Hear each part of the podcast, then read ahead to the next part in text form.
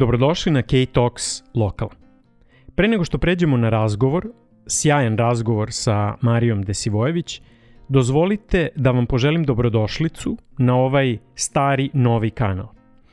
Na ovom kanalu K-Talks Lokal objavljivat ćemo sve epizode na jezicima naroda i narodnosti, srpskom, hrvatskom i ostalim. Na postojećem K-Talks kanalu u buduće ćemo objavljivati samo epizode na engleskom. Sve drugo ostaje isto. Trudit ćemo se kao i do sad da pronalazimo zanimljive sagovornike za razgovore iz svih uglova i da onda malo usporimo vreme i potrudimo se da zajedno razumemo svet inovacija, tehnologije, kulture i aktivizma.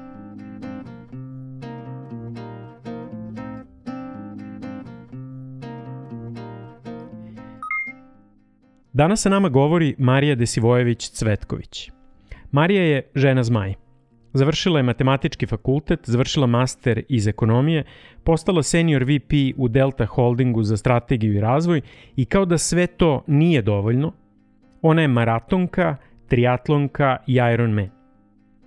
Razgovarali smo naravno o tome kako sve to postiže, o tome šta za nju znači work-life balance – ali i o tome kako pristupa strateškom planiranju i inovacijama u Delti, šta radi Delta na oživljavanju sela, kako vidi trenutnu ekonomsku situaciju i nedavnu investiciju u Sava centar.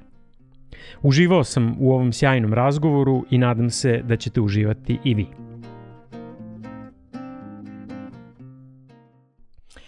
Marija, hvala ti mnogo što si pristala da govoriš za K-Talks. Hvala tebi, Rastko, što si me pozvao. Ovo je moj prvi podcast u životu, pa ću ga pamtiti i po to. E pa sjajno, sjajno.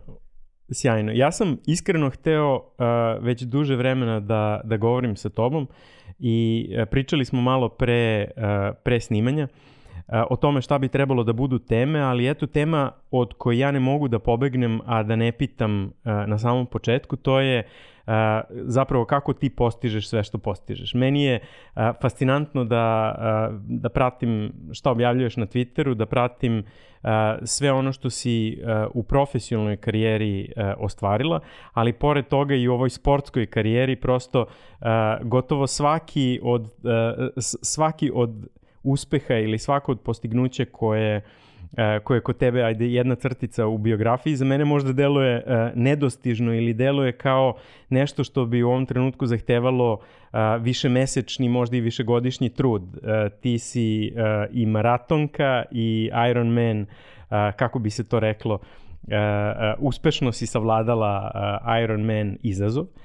Uh, triatlonka si, ako dobro, uh, dobro razumem. Uh, pored čitave druge profesionalne karijere koja je sama za sebe veliki uspeh. Pa ajde da krenemo od toga kako, kako uspevaš.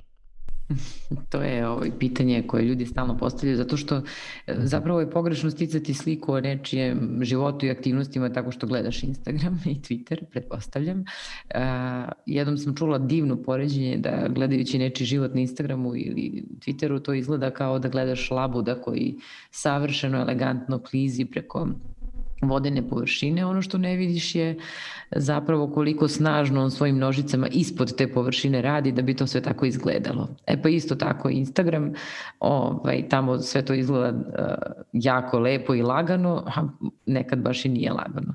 Ali realno kad bi sabrao sve te sate, uh, svega što ja radim, video bi da to zapravo sasvim lagodno staje u jedan dan i da ja zapravo imam vremena da spavam između 8 i 9 sati i da je ključ svega u stvari dobra organizacija. I odakle to dolazi, ne znam baš sasvim tačno, ali se sećam da sam studirajući baš svaki ispit na fakultetu položila tako što sam učila u čitaonici od 8 do 3. I nikad nisam učila popodne, nikad nisam učila uveče, uvek sam bila dobro organizovana i moje vreme je bilo tačno raspoređeno. To se onda nastavilo i na poslu i nekako primetila sam još jednu stvar, a to je da kako dobijaš više obaveza u životu, sve si bolje organizovani. čini mi se da kad nisam imala porodicu i samo sam radila, da sam stalno govorila da ništa ne stižem, a čak se ni sportom nisam bavila, a danas sa dvoje dece, sa sportom kojim se ozbiljno bavim i poslom koji je sve zahtevniji, sve ozbiljniji, ja zapravo sve lakše postižem, verovatno zato što bolje, efikasnije raspoređujem svoje vreme. Da. A, meni se svideo Uh, svidela je jedna stvar koju sam pročitao u, u intervjuima koje si davala, a odnosi se na to da je zapravo work-life balance negde prevaziđen pojam.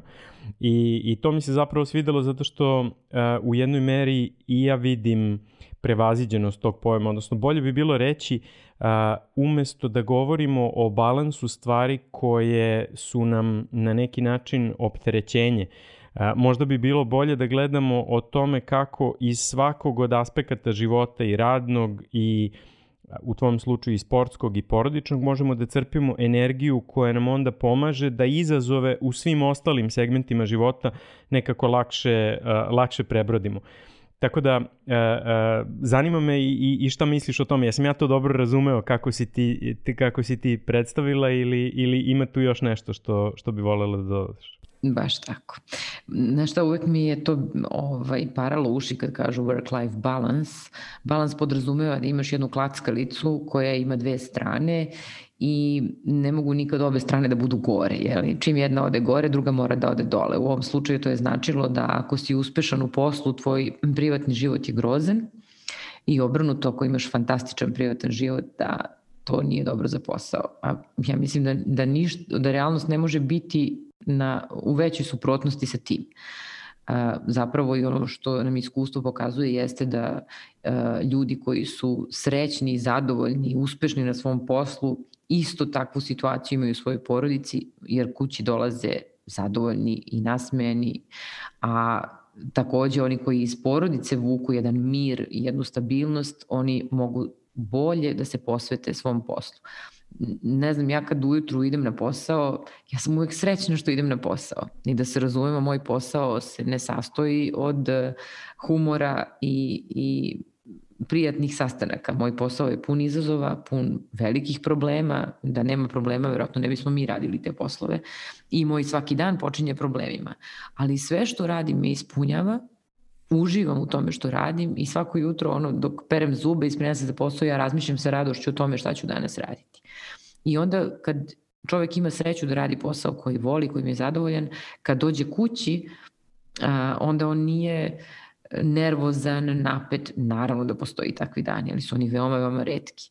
Ali najčešće ja dolazim kući nasmejana i spremna da slažem Lego, igram futbal, Xbox, pravim torte sa svojom decom i tako dalje. Tako da mislim da je to jako važno, a da ne pričamo sad o drugim aspektima života koje svi mi imamo. Dakle, to je druženje, to su prijatelji, to je odlazak u pozorište, u bioskop, to je čitanje, to su putovanja, u mom slučaju to je sport kojim se ozbiljno bavim. Dakle, sve te stvari postoje u mom životu da bi jedna drugu podržale i da bi mi omogućile da budem bolja u svakoj drugoj. Tako da volim, ima taj jedan jako, lep, jako lepo poređenje jazz kvinteta, kažu da je to inače sastav koji je najteže da se dobro ovaj, uh, sinhronizuje. E, tako ja volim da gledam na svoj život. Ne kao na klackalicu, nego na jedan jazz kvintet gde postoje različite stvari koje ja sinhronizujem na taj način da one zapravo jedna drugu podržavaju. A posebno nam to omogućava situacija, odnosno činjenica da živimo u 21. veku kad je nama omogućeno da radimo i sa posla i od kuće i ako negde odputujemo, omogućeno nam je da posredstvom tehnologije zapravo mnoge stvari koje radimo, radimo zajedno. Pa je tako moguće i da dok voziš bicikl na trenažeru, na računaru gledaš neki e, YouTube video koji ti je važan za posao ili da gledaš seriju, takođe možeš dok trčiš ili plivaš da slušaš audiobooks, možeš da dok si sa decom na odmoru o sebi odvojiš pola sata da uradiš nešto za posao. Tako da lepo, to, to su neke niti koje zapravo ti upredeš sve zajedno i dobiješ e, jedno lepo predivo svog života koje ako si, ako imaš taj pozitivan stav i ako umeš da stvari kombinuješ i ako pre svega voliš ono što radiš, može da bude jedno jako lepo iskustvo. Da. A, slažem se potpuno, a, a dodao bih tome, a, sad svaka generacija govori da su problemi koj, s kojima se ta generacija suočava nekako veći od problema s kojima su se ranije generacije suočavale, pa tako govorimo i o kompleksnim e, problemima na poslu i o kompleksnim problemima u porodici. E, ako je u pitanju posao, govorimo, na primjer, o stvarima kao što je digitalna transformacija i govorit ćemo verovatno malo više o tome nešto kasnije. Kada govorimo o porodici, govorimo o tome kako da, na primjer, deci uh, usadimo neke radne navike u okruženju koje ima toliko uh, aparata i tehnologije za odvraćanje pažnje i za defokusiranje uh, od, ne znam, YouTube-a, Facebooka, uh, Twitcha, igara i tako dalje. E, prosto svi problemi koji, s kojima se danas suočavamo jesu nekako problemi s kojima se prvi put e, suočavamo danas i to što kažeš e, zapravo stoji i s jedne strane na, e, u, u toku onoga što bi trebalo da nam bude e, vreme za porodicu, nekad razmišljamo o problemima sa posla zato što su prosto kompleksniji i, i ne možemo nekad da ih rešimo u toku radnog dana. S druge strane, verovatno i, i malo tokom posla razmišljamo o tim nekim problemima uh, koje imamo u, u, u porodičnom životu ili u, u uh, nekom drugom aspektu privatnog života, pa, pa nam i to možda pojede neki deo dana, barem je to u, u mom uh, slučaju tako. Uh, ali čini mi se da dobar pristup rešavanju problema je dobar pristup rešavanju problema bez obzira na to gde se taj problem nalazi, bez obzira na to u kojoj sferi života se, se desi. Eto, na primjer, ovaj problem za mene, to kako uh, istovremeno biti i uspešan i u sportu, u fizičkoj aktivnosti, u porodičnom i u poslovnom životu, e, tvoj pristup tome je organizacija vremena i deluje ti, naravno svako rešenje deluje jako jednostavno onda kad ga, kad ga rešiš, odnosno svaki problem deluje jednostavno onda kada ga rešiš, ali u trenutku kada ga rešavaš, uh, to naravno predstavlja jednu kompleksnu. Sad, uh, E, koliko misliš da ti je to što si studirala matematiku zapravo jednu onako uh, ne samo prirodnu nauku, nego prirodnu nauku koja je opsednuta problemima i rešavanjem problema. Koliko misliš da ti je to pomoglo da kako u poslu, tako i u porodičnom životu možda na neki matematički ili danas bi se reklo algoritamski način uh, pristupiš rešavanju problema i, i, i rešiš ga i savladaš uspešno? U, ovo je kompleksno i dugo pitanje, ako mogu da odgovorim na, na, na, sa više različitih odgovora. Prvo što se rekao, svaka generacija ima svoje probleme, ja se s tobom slažem. Često čujem da ljudi kažu da svaka sledeća generacija ima sve kompleksnije i teže probleme, ali ne mislim da je to baš sve tako i zato što je bitno da te probleme stavimo u kontekst vremena u kome su problemi nastajali. I sad kad meni kažeš kakve ja sve probleme rešavam na svom poslu, ja ipak mislim da je moja situacija bolja nego ona u kojoj je bila moja prabaka koja je ustajala u četiri ujutru, išla, sređivala životinje, pa onda sa motikom bila na njivi do uveče na 40 stepeni kopajući ceo dan i tako dalje.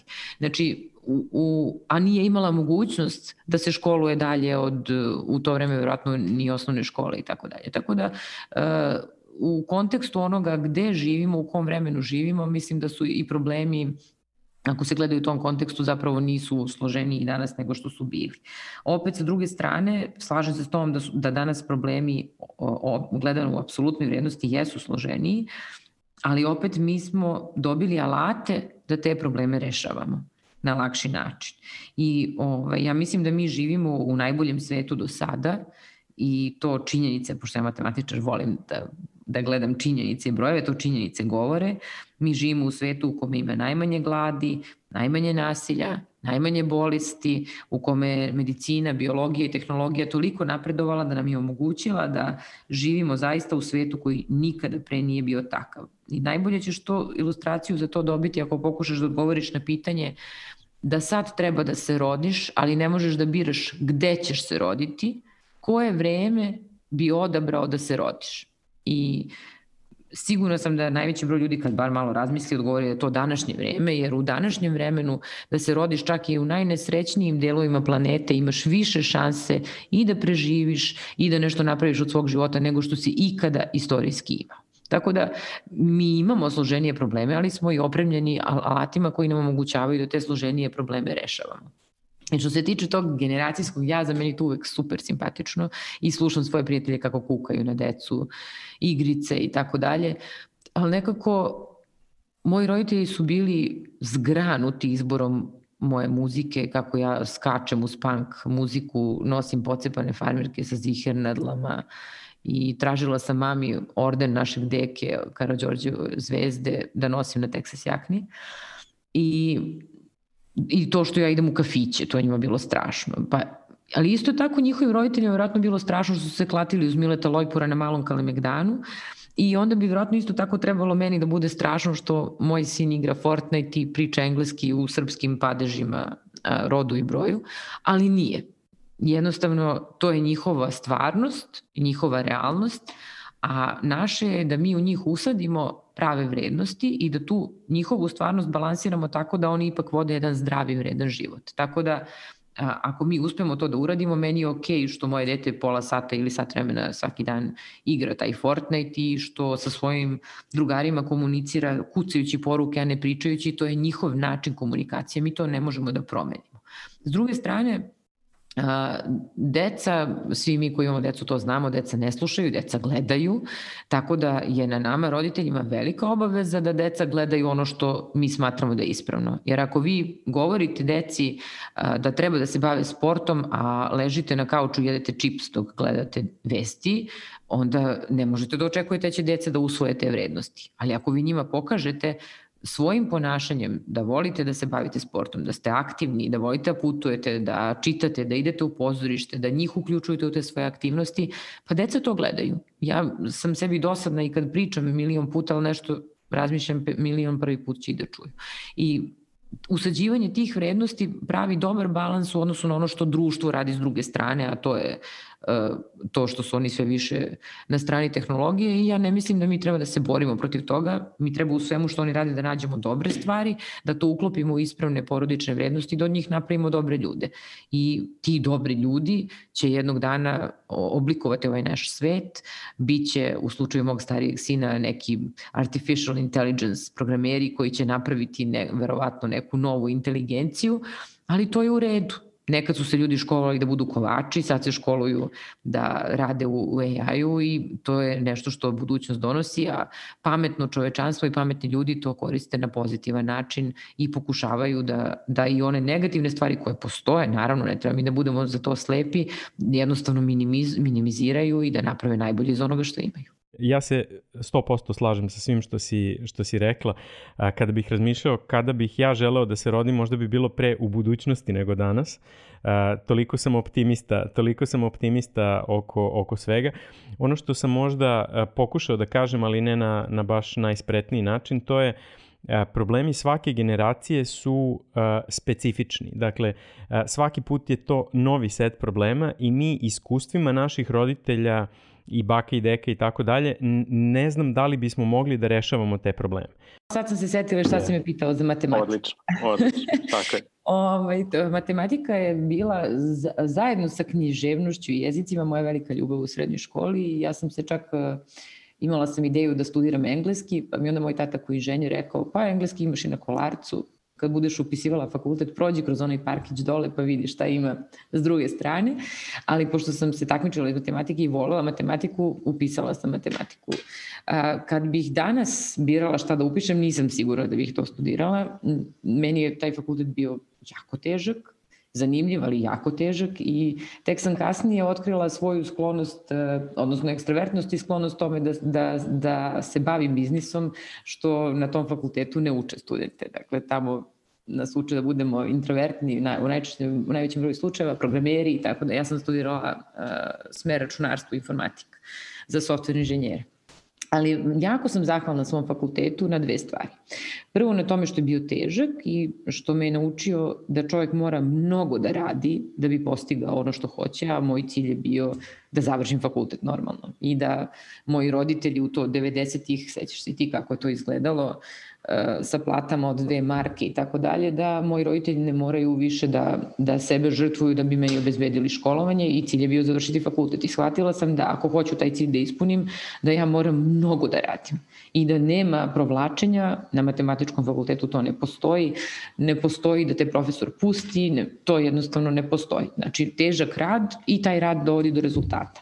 I tako je u svemu što u životu radimo. Sa mnogo, sa, sa velikom samodisciplinom, spremnosti na na odricanja od manje bitnih stvari i velikim radom dolazimo do onoga što nam je potrebno, ja tome učim i svoju decu. Druga stvar na kojoj sam zahvalna na svom fakultetu uh, je ta što od što je, naravno imali smo mnogo predmeta, ali jedan od najlepših predmeta na matematičkom fakultetu je logika i e, kroz sve ostale predmete se takođe ta logika provlači jer je matematika bazirana na logici. I ta logika nas zapravo uči kako da razmišljamo. Znači jedno racionalno razmišljanje, e, logičko zaključivanje i ostalo mi je s fakulteta to da sve što u životu srećem provlačim kroz taj filter uh, logičkog, odnosno ono što bi Kahneman rekao, palimo onaj novi mozak koji nerado voli da se pali, ljudi vrlo često vole da razmišljaju iz amigdale i pomoću refleksa i emocija, i jer je naš veliki mozak vrlo lenj da, da, da uključi racionalno prosuđivanje i ja to volim da radim i u ceo život to radim. To je, mislim, dobro za posao često mi ovaj, kažu, ba ti, kod tebe sve mora da bude nepristrasno, ali ja volim tako i mislim da je to dobro, čovjek bude nepristrasan, da je u stanju da pogleda stvar sa svih strana, da racionalno o njoj razmisli, da napravi logičke zaključke i da onda na osnovu toga deluje, a ne da deluje na osnovu prvog instikta kad nešto čuje ili vidi. Tako da na tome sam takođe jako zahvalna svom fakultetu I treća stvar, super mi je to, se stalno hvalim. kad sam bila mlađa, to mi je bilo glavno kao kad sam dobila diplomu, onda ću da uramim i da je stavim ovaj, u kuhinju dok kuvam, da se vidi ko kuva. Ali to je kad smo bili klinci. A sad mi je, mm. obično se ljudi iznenade kad čuju šta sam završila, jer se time ne bavim. Ovaj, I to je onako lepo. Lepo. Cenim to što da, sam je fakultet i sva znanja koja mi je dao. Iako konkretne znanja nisam nikad koristila, ali ova posredna su se ispostavila kao u stvari važnije. Da ja moram, moram da se nadovežem ovde, moja lična priča je kao, uh, kao ta, ali u ogledalu.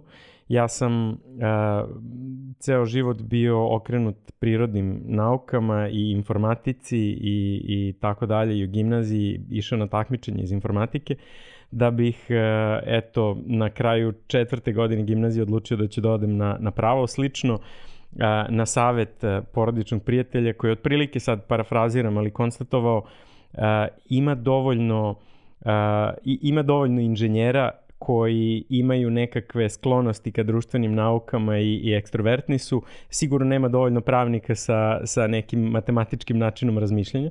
I iskren da budem, da, da, iskren da budem, meni je to, uh, meni je to zaista taj, taj način razmišljanja koji sam razvio baveći se naravno daleko manje kompleksnim matematičkim i informatičkim problemima tokom gimnazije, zapravo verujem da je pomogao da razvijem taj neki logički način razmišljanja i, i kasnije u životu i u karijeri da shvatim da zapravo pravo kada se radi dobro nije preterano različito od toga. I pravo je jedan skup problema u kojima imamo ulazne informacije i trebalo bi da izađemo sa stavom to je dozvoljeno, to nije dozvoljeno ili ne znamo što je čest, e, čest odgovor. Ali u svakom slučaju izlazimo sa, uh, izlazimo sa informacijom i taj proces koji e, ta informacija proživljava od ulaza u taj neki naš način razmišljanja, mozak, e, e, način interpretiranja normi i, i razumevanja normi i onda to što izlazi na kraju nije preterano različito od toga šta bi trebalo da uradi dobar kompjuterski program.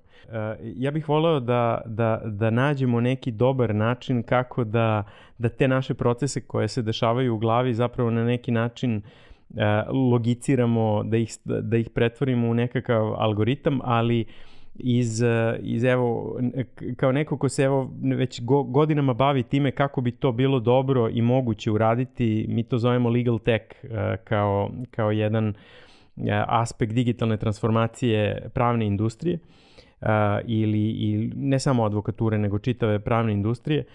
Zapravo vidimo koliko tu ima izazova. Iako za, zapravo postoje određeni aspekti u kojima je to moguće, veštačka inteligencija pravi veliki, velike pomake, zapravo machine learning pravi velike pomake ka tome i evo sad kada smo već ušli u tu temu, recimo postoje softveri, postoje sistemi u, u Americi koji već sa 90-95% preciznosti mogu da a, reše nekakav poreski problem. Dakle, unesemo šta je poreski problem i a, zaključujemo kako će IRS američki da, da a, na to odgovori i preciznost je već 90-95%, što je verovatno više od prosečnog advokata u, u Americi. Ono gde nastaje problem to je, za razliku od poreza koji su federalna nadležnost, 95% problema u, u, u SAD su nadležnost država ili čak i niža nadležnost gradova, okruga i tako dalje. I onda ta skaliranje tog nekog načina razmišljanja postaje kompleksnije i to eksponencijalno kompleksnije što je veći broj uh, veći broj jurisdikcija. Tako da za sad još uvek nismo, nismo u nekom velikom problemu, ali verujem da ćemo vrlo brzo biti, pošto napredak artificial intelligence deluje da se, da se odvije eksponencijalnom brzinom, a ne, ne nekako lagano, ali evo da, da, da se vratimo na, na, na tebe i tvoju priču i mislim da je super uvod za, za ovaj drugi deo o kome bismo, o kome bih volao da porazgovaramo, a to je uh, ti si senior potpredsednica u Delta Holdingu za razvoj i strategiju. Uh, I sad, uh, hajde da pođemo od toga uh, kako ti vidiš osnovni aspekt tog svog posla, odnosno kako vidiš gde, gde će biti Delta Holding, gde će biti industrije u kojima ste za uh, pet godina od sad ili deset godina od sad. To bi mi bio prvi deo pitanja. Drugi deo pitanja bi bio kako gledaš uh, na razvoj i inovacije. Dakle, kako pristupaš tome, a verujem da imaš neki strukturiran način uh, kako se time baviš. Ali evo prvo da krenemo od toga. Kako, kako vidiš narednih 5 do 10 godina u, u, u toj industriji? Nemamo video, ali ja u ruci držim staklenu kuglu. Kristalnu kuglu, da, da. Očekujem svakog dana da proradi, ali neće da. radi. Tako da, da je moj posao da zamišljam šta bi ta staklena kugla radila. Strategija kompanije je nekad bila veoma onako jedna strukturirana stvar. Momci na vrhu sednu, dogovore se šta će firma da radi za 5, 10, 20 godina, iznesu to u nekom ovaj, memu, pošalju svim zaposlenima i vozimo. Uh, Danas to nije tako iz više razloga, odnosno sa više aspekata to više nije tako. Prvo, nekada su firme zaista mogle da kreiraju 20-godišnje strategije, jer se, vre, jer se uh, okruženje i ekosistem menjao mnogo sporije. Od kraja prošlog veka mislim da to skoro uopšte nije moguće, jer ono što si rekao, promene su sada eksponencijalne i one se toliko brzo održavaju na, na naš posao da je, da je zaista veoma, veoma teško planirati.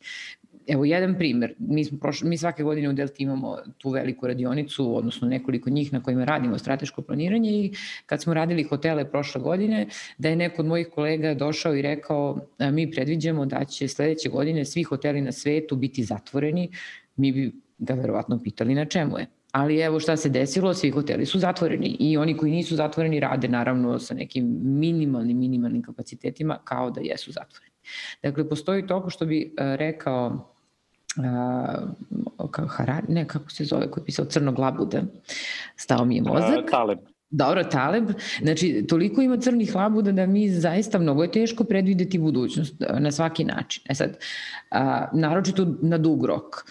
A, Šta znači eh, zapravo kreirati strategiju? Gledati šta se u svetu dešava. Mi, nekad postoji prednost toga da niste u najrazvijenijim svetskim ekonomijama, a to je što možete da gledate oni koji su razvijeni od vas i da predvidite za koje vreme će ti trendovi doći do nas. I mi to radimo. Dakle, moj posao je da pratim sve, sve šta se dešava, gde su te nove stvari. Tu treba čovjek da bude vrlo pažljiv, jer nekad ogromni trendovi dođu zapravo iz nekih sitnica koje čovjek možda nije primetio. Redko kad oni dođu tako iz nebuha kao što se ove godine desilo sa COVID-om, ali za većinu drugih trendova ne važi to da oni samo padnu pred nas. Zapravo su oni imali mnogo malih događaja koji su ih predviđali, pa onaj ko ume da ih vidi je prošao bolje, onaj ko ne ume nije prošao tako dobro. Tako da je poenta gledati šta se sve dešava, gde svet ide, e, onda to preneti na lokal i u našem okruženju gledati kako to izgleda u, u našem regionu, kako to može kod nas da se primeni i onda naravno kako to kompanija može da primeni, kako može da uhvati neki od tih novih trendova i da sa one jedne curve koja je koja raste da skoči na sledeću i da uhvati. Biznis se ne hvata kad je na vrhuncu, biznis se hvata kad je na početku, pa ga onda ti gradiš do tog vrhunca. I ako si dovoljno pametan, a teško je napustiti biznis koji ti ide super, onda ti iz tog biznisa skačeš na neku novu krivu i hvataš novi zal zalet i to je jedino kako možeš da napraviš razliku u vrednosti. Druga stvar u vezi sa strategijom je ta što su to big guys na, na vrhu određivali i to danas više ne treba da bude tako jer su danas, zahvaljujući internetu i zahvaljujući drugačijoj komunikaciji i unutar kompanija, koja se sada gleda kao jedna posebna disciplina, zaposleni ti koji mnogo, imaju mnogo bolju sliku o poslu, onome što se radi i zapravo veliki deo strategije predloga za, za unapređenje treba da dolazi baš od zaposlenih. I mi to radimo, mi sprovodimo to u kompaniji na nekoliko različitih načina. Pre svega imamo komitet za inovaciju i digital, inovacije i digitalnu transformaciju koji zapravo uh, u svakoj članici, a mi smo vrlo diversifikovana kompanija, imamo 4500 zaposlenih i mnogo članica, u svaka članica ima svoj mali komitet gde se ljudi skupljaju, razgovaraju, prikupljaju se ideje i onda to polako se penje ka gore, gde mi na kraju samo pogledamo ideje i uh, dopustimo većini njih da se realizuju. U 2019. godini smo realizovali preko 100 ideje koje su na razne načine, nekad, nekad veoma male, nekad malo veće, uticale na to da naš biznis postane efektivniji, da budemo brži ili bolji i na kraju krajeva da ostvarimo bolji finansijski rezultat, što je cilj svake kompanije. Tako da mislim danas strategija iz sedenja i kucanja iz glave nečega gde se vidimo za 20 godina prebacila na, na nivo komunikacije, široke komunikacije sa svim zaposlenima u kompaniji, prebacila se na to da se prate trendovi u svetu, da stalno probamo da smislimo nešto novo ili da novo nešto što neko smislio u zapadnom svetu pre, pre, premestimo ovde, ako ga ovde već nema. Sve u svemu jedan zanimljiv posao, posebno zbog toga što Delta ima mnogo različitih industrija kojima se bavi, tako da ja moram da pratim novosti u svim tim industrijama i, ovaj, i to je jako zabavno i ja uživam u tome da sa svojim kolegama a, razmišljamo o mesu koje će se praviti od ćelija, ovaj, mislim to se već pravi u svetu, to se zove cell-based meat, nije više plant-based, nego je sada cell-based, znači uzme se jedna ćelija a, od krave i naprave se bifteci u jednoj komori. Tako da ovaj, mi znamo da to neće da se dešava ovde sutra, ali jednog dana hoće i dobro je da to pratimo, da imamo kontakt sa ljudima koji se time bave i da u pravom trenutku takve stvari možemo da počnemo da radimo i ovde u regionu. Da, o, o, ovo što si pomenula sa uh, komitetima za inovaciju, mislim da je odličan savet za svaku, svaku kompaniju. Mislim da je uh, kompanije koje to nemaju, verovatno je krajnje vreme da to, uh, da to organizuju ili je to vreme već i, i prošlo. Ali upravo to što govoriš, mislim da je izuzetno bitna poenta, uh, pa bih hteo samo da je podcrtam dok, dok govorimo. Uh, a to je da, da inovacije bi zapravo morale da se dešavaju bottoms up, a ne uh, top down. Dakle, da zapravo uh, oni ljudi koji su najviše u kontaktu sa, sa zaposlenima, sa dobavljačima, sa kupcima, uh, možda pre svega, su ti koji razumeju šta je zapravo biznis kompanije, na koji način ona može da bude bolja, šta su neke bolne tačke koje bi trebalo, koje bi trebalo popraviti. I sad, Juče sam uh, na nekom interesantnom Zoomu uh, čuo da Jeff Bezos ima pravilo da u Amazonu oni imaju te takozvane pizza komitete, uh, ne može da se organizuje sastanak koji ima više ljudi nego što se organizuje za jednu picu, dakle to je mislim četvoro, petoro ovaj, ljudi maksimalno. Uh, i postoji pravilo da uh, ukoliko neko dođe sa idejom uh, na bilo koji komitet, na bilo kom nivou, sve dok postoji jedna osoba koja misli da je ta ideja dobra, ta ideja ide na sledeći uh, stepen i na kraju dolazi do Jeffa. I to mi, se, to mi se izuzetno svidalo zato što u suštini najbolje ideje često uh, umru na, na samom uh, početku, uh, onda kada su naj, najranjivije i kada kada je jako teško uveriti više od pola ljudi ili, ili čak nekoliko ljudi u sobi da su, da su one sjajne.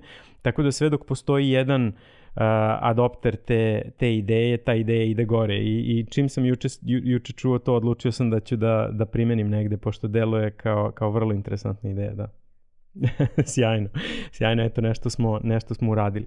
Uh, Pomenula si, Delta Holding je aktivan i prisutan u nekoliko različitih industrija, odnosno u, u dosta, dosta industrije.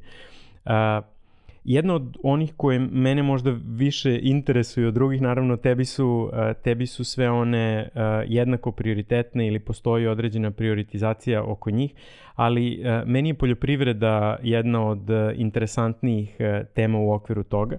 Pa možda da, da malo produbimo odgovor od malo čas kako pristupamo inovacijama i kako pristupamo strategiji na, na temi poljoprivrede i zašto, zašto mislim da je ta tema, barem meni, izuzetno važna. Pomenuo sam ti opet pre, pre početka snimanja.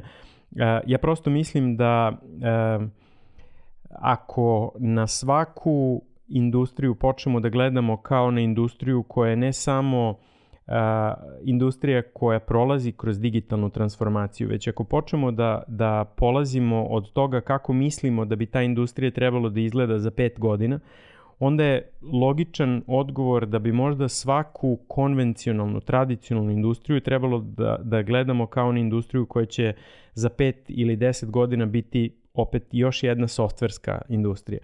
Tesla ima valuaciju daleko veću od mnogih tradicionalnih proizvođača automobila i sad možemo da pričamo da, da, nema profit, Da, da, da. Uh, ali, ali ono što je, što, što je interesantno, dakle, oni koji, koji investiraju u, u Teslu govore da je zapravo to prva automobilska kompanija koja je shvatila da je u softverskom biznisu. Uh, ako, ako gledamo, na primer, uh, Netflix, Netflix mi je opet sjajan uh, primer kompanije koja je do 2008. 9. se bavila, bavila iznajmljivanjem uh, DVD-eva i Blu-ray-eva. Uh, je odlučila da uđe u, u streaming biznis, a danas je potpuno, e, e, danas je to potpuno toliko široko rasprostranjeno da bukvalno e, generacije se neće sećati, neće znati šta su Blu-rayevi, šta su, šta su DVD-evi. E sad, poljoprivreda, barem u, u očima prosečnog sagovornika ili, ili nekoga ko ne provodi mnogo vremena razmišljajući o tome, deluje kao jedna izrazito tradicionalna industrija. Dakle, industrija u kojoj se, hajde, prešli smo sa pluga na traktor i to je otprilike to. Prešli smo sa uh, stajskog đubriva na, na industrijsko đubrivo i, i to je to. Prosto svima nam je u glavi ideja traktora uh, seljaka koji vozi traktor, uh, redova uh, pšenice, kukuruza, čega god i tu, tu negde stajemo. Ali čim malo dublje uđemo u to pitanje, shvatamo koliko je to jedna industrija koja je preplavljena inovacijama i u kojoj se dešava baš mnogo, mnogo toga. Evo možda da se nadovežemo na prethodno pitanje kako vidiš strategiju i razvoj i inovacije u poljoprivredi? Uh, Pre svega to što si sad rekao kako mi vidimo poljoprivredu je tačno i nažalost nije dobro za nas. Mi smo, Srbija je poljoprivredna zemlja, ali nažalost način na koji se poljoprivreda radi u Srbiji neće, Srbija, Srbija na taj način ne može da izvuče nikakvu korist iz toga što je poljoprivredna zemlja. Kod nas se u najvećem delu poljoprivreda radi kako se radila pre 100 godina, dok se u to vreme poljoprivreda u svetu smatra oblašću gde je zapravo došlo do najveće tehnološke revolucije uh, sada kada imamo mogućnost da koristimo AI i ML i, i, i IoT i tako dalje. I uh, u Srbiji postoje velike poljoprivredne kompanije koje koriste inovacije. Nažalost, to nije dovoljno, te kompanije nisu dovoljne jer ih je samo nekoliko i bilo bi divno kad bi moglo da se na neki način e, celoj Srbiji približe inovacije u poljoprivredi. Mi to radimo kroz naš program Naše selo. Mi smo da kažem pod znacima navoda usvojili dva sela pored Zaječara i od dva sela koja su bila izuzetno a, koje su radila sve onako kako se radilo pre 100 godina, smo sada napravili dva moderna sela koje sve što rade u poljoprivredi rade na vrlo modern način. I ta, ta je razlika toliko drastična da ono sa najvećim radošću volimo da vodimo goste u ta dva sela da vide šta može za samo dve godine da se napravi u selu.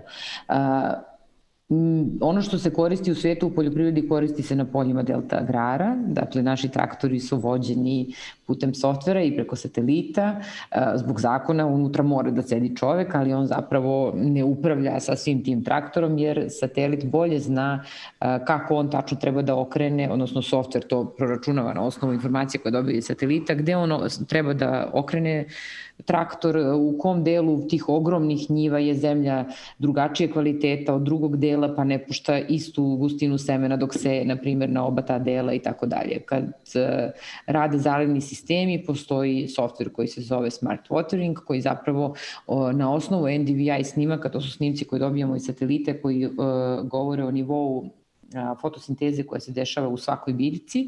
Kad on sa NDVI-a vidi da je jedan deo njive crveniji jer je loša fotosinteza, znači nema dovoljno vode, on taj deo njive navodnjava, a ne navodnjava tamo gde je NDVI snimak zelen.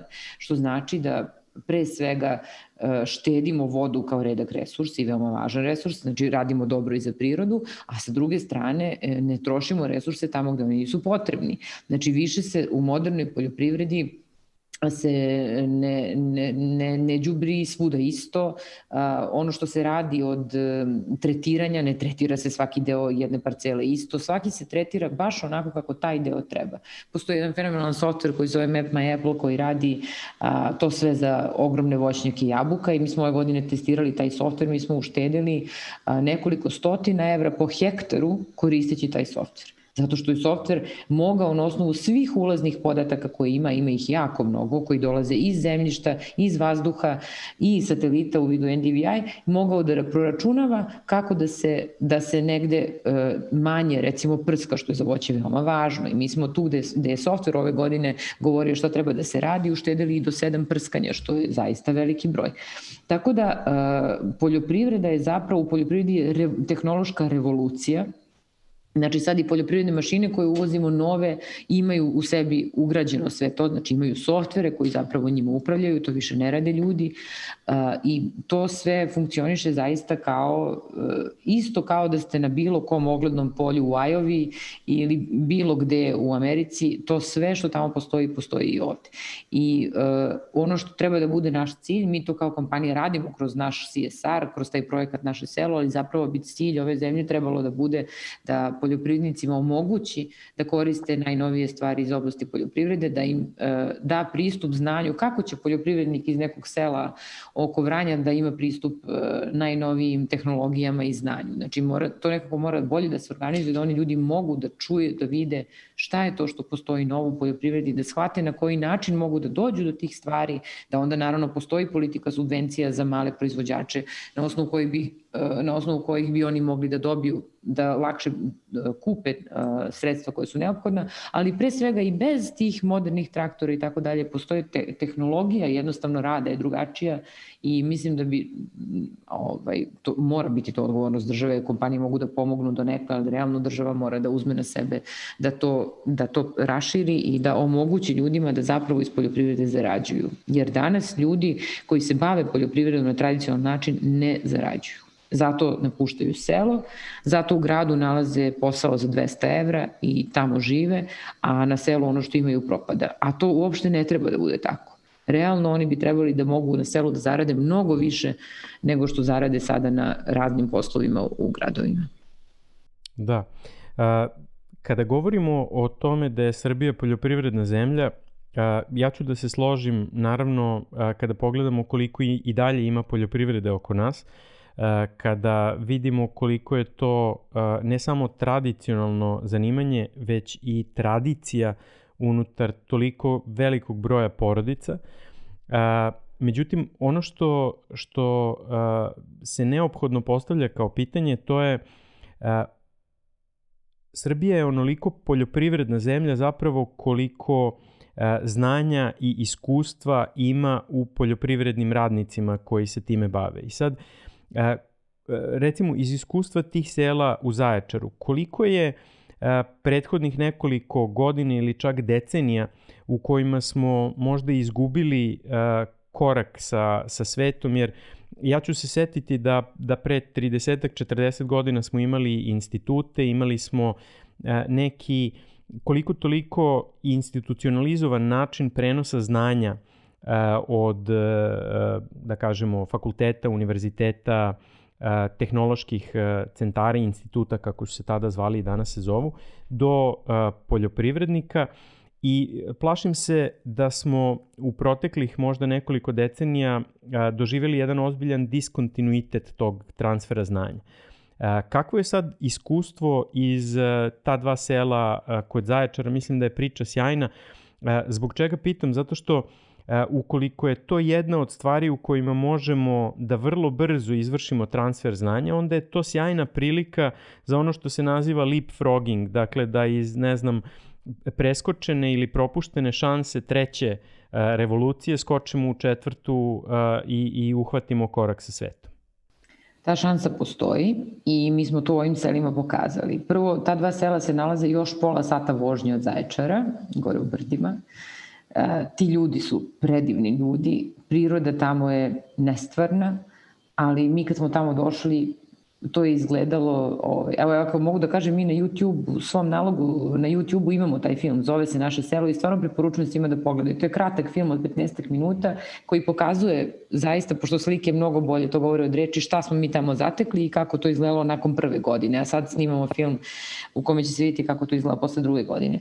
Zatekli smo divne i dobre ljude koje kad god smo pitali zašto ovo radite ovako, oni su rekli pa zato što su tako radili moj tata i moj deda I onda vi shvatate da oni nikad zapravo nisu imali pristup znanju i nekome ko bi im rekao da to u stvari ne treba više tako da se radi. I šta smo mi prvo uradili? Mi smo njih prvo popakovali sve autobuse i odvezli na naše, naše imanja, naše farme gde su oni i naravno bistri kakvi jesu i vredni i željni da nauče, oni su bukvalno prekopirali stvari u jednom danu. Shvatili su da se krave ne gaje onako kako ih oni gaje, da se svinje ne gaje onako kako ih oni gaje, da se voće e, ne gaje tako kako oni to rade i tako dalje. Ono što je dobro što smo mi u tom programu njima obezbedili pristup našem znanju, odnosno našim stručnjacima i inženjerima koji je bio 24 kroz 7 i naši su inženjeri bukvalno dve godine što online, što fizički najmanje dva puta nedeljno tamo boravili. I učili ih, bukvalno ih učili šta treba da rade. Da bi mogli da tehnološki unaprede i tehnički svoj posao, mi smo im omogućili zajedno sa našim partnerom u tom projektu, to Erste banka, da oni dobiju kredit. Kamatu za te kredite smo mi platili, tako da su oni dobili beskamatne kredite i mi smo takođe i jemci kod tih kredita. Tako da nije dobro ljudima dati ribu, treba im dati štap i naučiti ih da pecaju. I zbog toga smo rekli da oni moraju da uzmu kredite, a ne gotov novac, zato što kredit mora da se vrati. I kad si uzeo kredit, onda moraš da razmišljaš tome kako ćeš ga vratiti. Ono što je dobro što su krediti beskamatni i svi oni vraćaju zaista apsolutno na vreme svoje kredite, a tim kreditima su napravili nove štale, napravili nove objekte za svinje, uradili kap po kap navodnjavanje u svojim voćnicima, kupili novu opremu za proizvodnju sira, za proizvodnju rakije od dunja, oni su inače veliki proizvođači dunja u tom kraju. I onda I mi takođe počele su da se rađaju bebe, mi smo napravili jedan specijalan program gde za svaku novorođenu bebu domaćinstvo dobija 10.000 evra, ali za poljoprivredu, plus beba dobija svoj knjižicu i svoj paket i tamo je počelo, počelo su da se rađaju deca, to se nije tamo dešavalo. Imamo nekoliko porodica koje su se vratile da žive u tim selima. Umeđu vremenu smo mi uh, potpuno renovirali uh, i učinili potpuno funkcionalnim i modernim u obe, škole, u oba sela škole, prošle godine jednu, ove godine drugu, da, đaci sad idu u potpuno nove škole, renovirali smo im e, on, ambulante koje ranije nisu ni radile, koje sad rade dva puta nedeljno, doveli smo prvi put pozorište u ta sela, deca imaju predstavu s Deda Mrazom i tako dalje. Bavili smo se i njihovim društvenim životom zato što je mnogo važno da se u svemu oni osjećaju bolje i da se ta atmosfera promeni. I ona se, verujte mi, zaista promenila. I onda smo, uh, vodili smo ih na poljoprivredni sajam u Novom Sadu, gde su, ljudi su prvi put u životu bili na poljoprivrednom sajmu i videli stvari koje inače oni nemaju gde da vide. Tako da, uh, sve to što mi tamo uradili je sjajno. Mi taj program u ta dva sela završavamo 2021. i biramo dva nova sela koja ćemo uzeti od, od početka 2022. Ono što u svemu tome nije dobro je što mi ne možemo više od dva sela odjednom, a Srbija ima mnogo sela i zapravo bi bilo sjajno napraviti neki program da i na neki drugi način ti seljaci mogu da dolaze makar do znanja ovaj, tu nešto razgovaramo. Sam imamo sreću da se u Srbiji nalazi jedan, ne znam da li to znate, od najvećih naučnih instituta na svetu koji se baje poljoprivredom, to je Biosens institut. Da. I oni, oni ljudi rade stvari koje su verovatno put u budućnost, verovatno i 50 godina ispred nas ali uh, u saradnji sa njima ćemo možda moći da napravimo neki program da, ono što si rekao, da napravimo frog leap, da zapravo preskočimo pravo iz 1800 i neke u 2020 i neku i da, da skočimo odmah u, u, u to jedno, u to digitalno selo zapravo, znači nešto gde, svu, gde radi software, gde radi najnovije tehnologije, mi smo u Zaječaru pokazali da to može. Tako da verujem da, da ako, ako bismo dobili neku, ne mi pomoć, nego ako bi se nama neko pridružio, pre svega država u tom projektu i da oni naprave svoj projekat koji će da radi to isto, to bi bilo sjajno. Onda da. bi se ceo ekosistem promenio. Jeste, ja verujem, to, to deluje kao jedna od onih, eh, jedna od onih ideje koje uh, ukoliko imamo dobru volju, može kao grudva da, da se pretvori u lavinu i da, da zapravo transformiše ne samo, uh, ne samo ta mala sela kod Zaječara, već ogroman broj, ogroman broj sela i da uh, u, jeste naročito naročito u vreme pandemije sigurno je sigurno je daleko lepše daleko lepše nego u gradu. A, hteo bih još da te pitam za, za par drugih sektora. Pomenuli smo hotelijerstvo.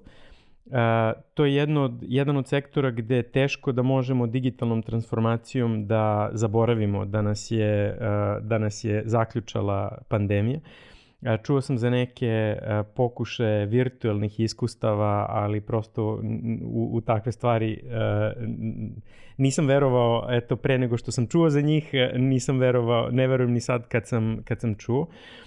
Ali kako izgleda, kako izgleda trenutno borba, obično ne volim da, da diskutujemo previše oko pandemije, jer mislim da je, kao što kaže, crni, crni labud i ako će nas neki ponovo snaći, neće biti ovaj, nego će biti neki, neki drugi i sledeći put će ovaj labud da bude već, ajde, sivi ili, ili, beli, valjda, valjda ćemo nešto naučiti iz, iz ovoga. Ali kako, kako izgledala adaptacija, prilagođavanje zapravo uslovima pandemije na početku i kako danas gledaš ili gledate na, na e, situaciju u hotelijerstvu, opet e, teško je prognozirati u kom nekom vremenskom roku, ali, ali kako, gledamo, kako gledaš pre svega sledeću godinu, kako će izgledati u hotelijerstvu i ugostiteljstvu? E, prvo, mislim u biznisu postoje dve veoma važne stvari koje naoko izgledaju a, suprotstavljanja, zapravo nisu. To je prva, što je rekao snivač Intela, samo paranoični preživljavaju, a druga je da u biznisu morate da budete optimista. I da mislite da će uvek sve da, da bude dobro. To je jedini način da idete napred. Jedini način da verujete u, u budućnosti i da date sebi motivaciju da se nečim bavite. Ja priznajem da smo mi kao kompanija u jako dobroj poziciji zato što smo diversifikovani i to što je jedan ogroman deo naše kompanije prestao da radi i da proizvodi bilo kakav revenju, e, mi možemo da pokrijemo iz drugih biznisa koji ovu godinu rade zaista sjajno. E, jako je teško onima koji su samo u travel entertainment industriji i mogu da zamislim kako su veliki ti problemi kad i mi ove naše probleme vidimo kao veliki.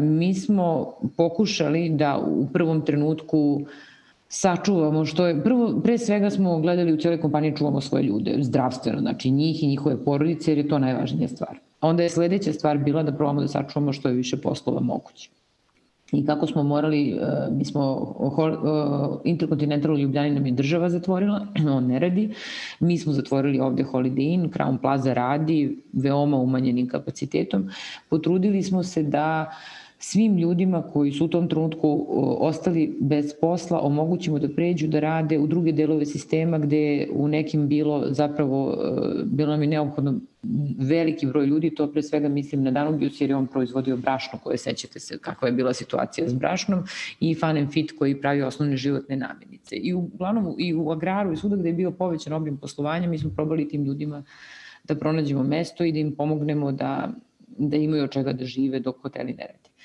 Mi ćemo gubitke koje hoteli prave pokriti iz drugih biznisa, a od hotelskog biznisa ne odustajemo. Mi ćemo otvoriti hotel Indigo u Knez Mihajlovoj ulici tokom sledeće godine.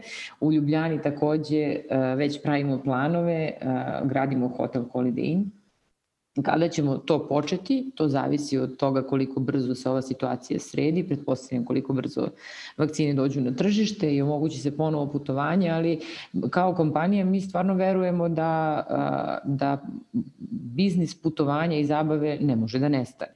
Znači on je sad trenutno na, jednom odmoru, na time outu, ali mislim da će se to vratiti i to mogu da kažem iz ličnog iskustva. Prvo mi je bilo super što nigde ne putujem, jer sam inače uvijek mnogo putovala, ali sad mi je već Takođe, e, prestala sam da učestvujem na online konferencijama, ja više ne mogu da govorim ljudima koje ne vidim, jako mi je teško to, nemam nikakvu povratnu informaciju od publike i ne mogu da, e, to ne može da bude interaktivno, baš mi je teško.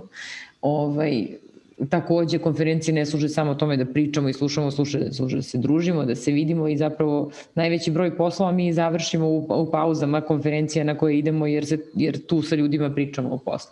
Tako da što više sad vreme prolazi u, ovom, u ovoj čudnoj situaciji, sve više, prvo u prvom mislila možda će se stvarno nešto drastično promeniti, a sad sam sve više sigurna ljudi jedva čekaju da se vrate. Naravno da neće biti potpuno isto i ne treba da bude potpuno isto, ali putovanja, e, druženje sa drugim ljudima, konekcije sa drugim ljudima, to je nešto bez čega ja mislim i ne možemo i da ćemo čim to budu a, okolnosti dozvolile mi tom načinu života da se vratimo. Iz toga i proizilazi naš optimizam da će hoteli dobro raditi u jednom trenutku, to sigurno neće biti sledeća godina i mi smo u našim sad strateškim planovima stavili da sledeća godina će biti onako i onda polako da počnemo da se uporavljamo. Da. Evo, ja bih se samo nadovezao na to neke od inicijativa koje je Crown Plaza imala tokom pandemije sa, sa isporukama i sa Hajde, naravno to je izuzetno mali, uh, mali aspekt, verovatno nema, nema nikakvu uh, ne, nije nešto što bi trebalo da kompenzuje taj ogroman gubitak revenjua koji se desio, ali je zapravo pokazala, pokazao jedan, jednu vrstu, vrstu optimizma na koju su, ja mislim, ljudi dosta pozitivno reagovali. I jednako tako iskreno i, i kupovina Sava centra ne, ne moramo i, i možda ne bi, ne bi ni imalo smisla da preterano pričamo o tome, ali verujem da je uh, signal sa strane Delte uh, upravo taj da, da veruje u oporavak i, i turizma i kongresnog turizma i, i zapravo vraćanje iz virtualnog u, u fizički svet. I da bude svakom ja, Beograđaninu kad pređe gazelu ili kad je prelazi uživanje da pogleda u taj objekat koji sad znaš i sam kako izgleda. Da, da. A vratit ću se samo na ovo što sam rekao za Crown Plazu, izvini. Mi smo inače kad je počelo vanredno stanje zapravo uh, ostavili kuhinju da radi jer smo hranili tri COVID bolnice u Beogradu, osoblje. Lekara i sestre u tri bolnice smo hranili i onda kad smo, uh, kad su već naši ljudi bili tu i, i, i pravili tu hranu svaki dan, onda smo došli na ideju da pošto je to bila divna domaća hrana, punjene paprike, sarba, sećar se i ostalo, onda smo došli na ideju da možemo da ponudimo i drugim ljudima koji sede kod kuće da im neko donese topao ručak i da mogu lepo da, tako da ta ideja je došla odatle, prvo iz pomoći, a onda, a onda se to malo dovezuje i na Sava centar. Mi smo radili detaljne analize isplativosti te investicije i uh, da budem sad skroz otvorena i realna, taj biznis nije biznis koji brzo vraća pare.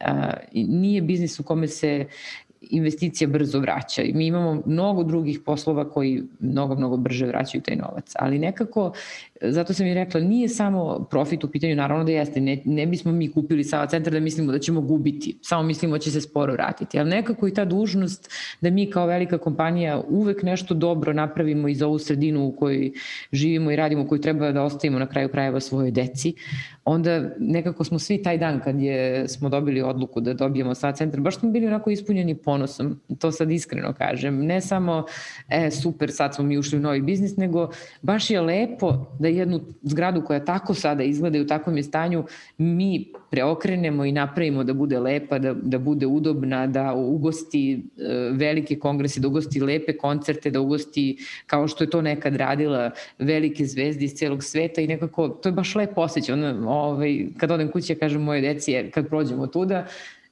znate kako će ovo super da izgleda za dve godine. I to je baš lepo. To je lep osjećaj koji mi kao zaposleni ovde imamo.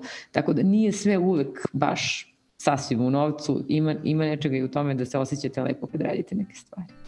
Uh, Marija, hvala ti mnogo. Bila si vrlo, uh, vrlo iscrpna sa odgovorima. Uh, jako, jako je lep bio razgovor. Želim da ti, da ti poželim mnogo više takvih uh, poslova u kojima će te ispunjavati ponosom. Verujem da je Sava centar samo jedan od njih, verujem da je i ovo o selima, video sam sa kojim žarom uh, govoriš o tome. Tako da želim ti uh, puno uspeha u sportu, u poslu i, i u puno drugih nekih uh, stvari ko, koje ćete ispunjavati kao što su ove koje si, koje si pomenula. Hvala ti. Hvala tebi mnogo, Rastko, uživala sam, baš je brzo prošlo vreme. Hvala na pametnim i dobrim pitanjima i hvala što umeš da slušaš.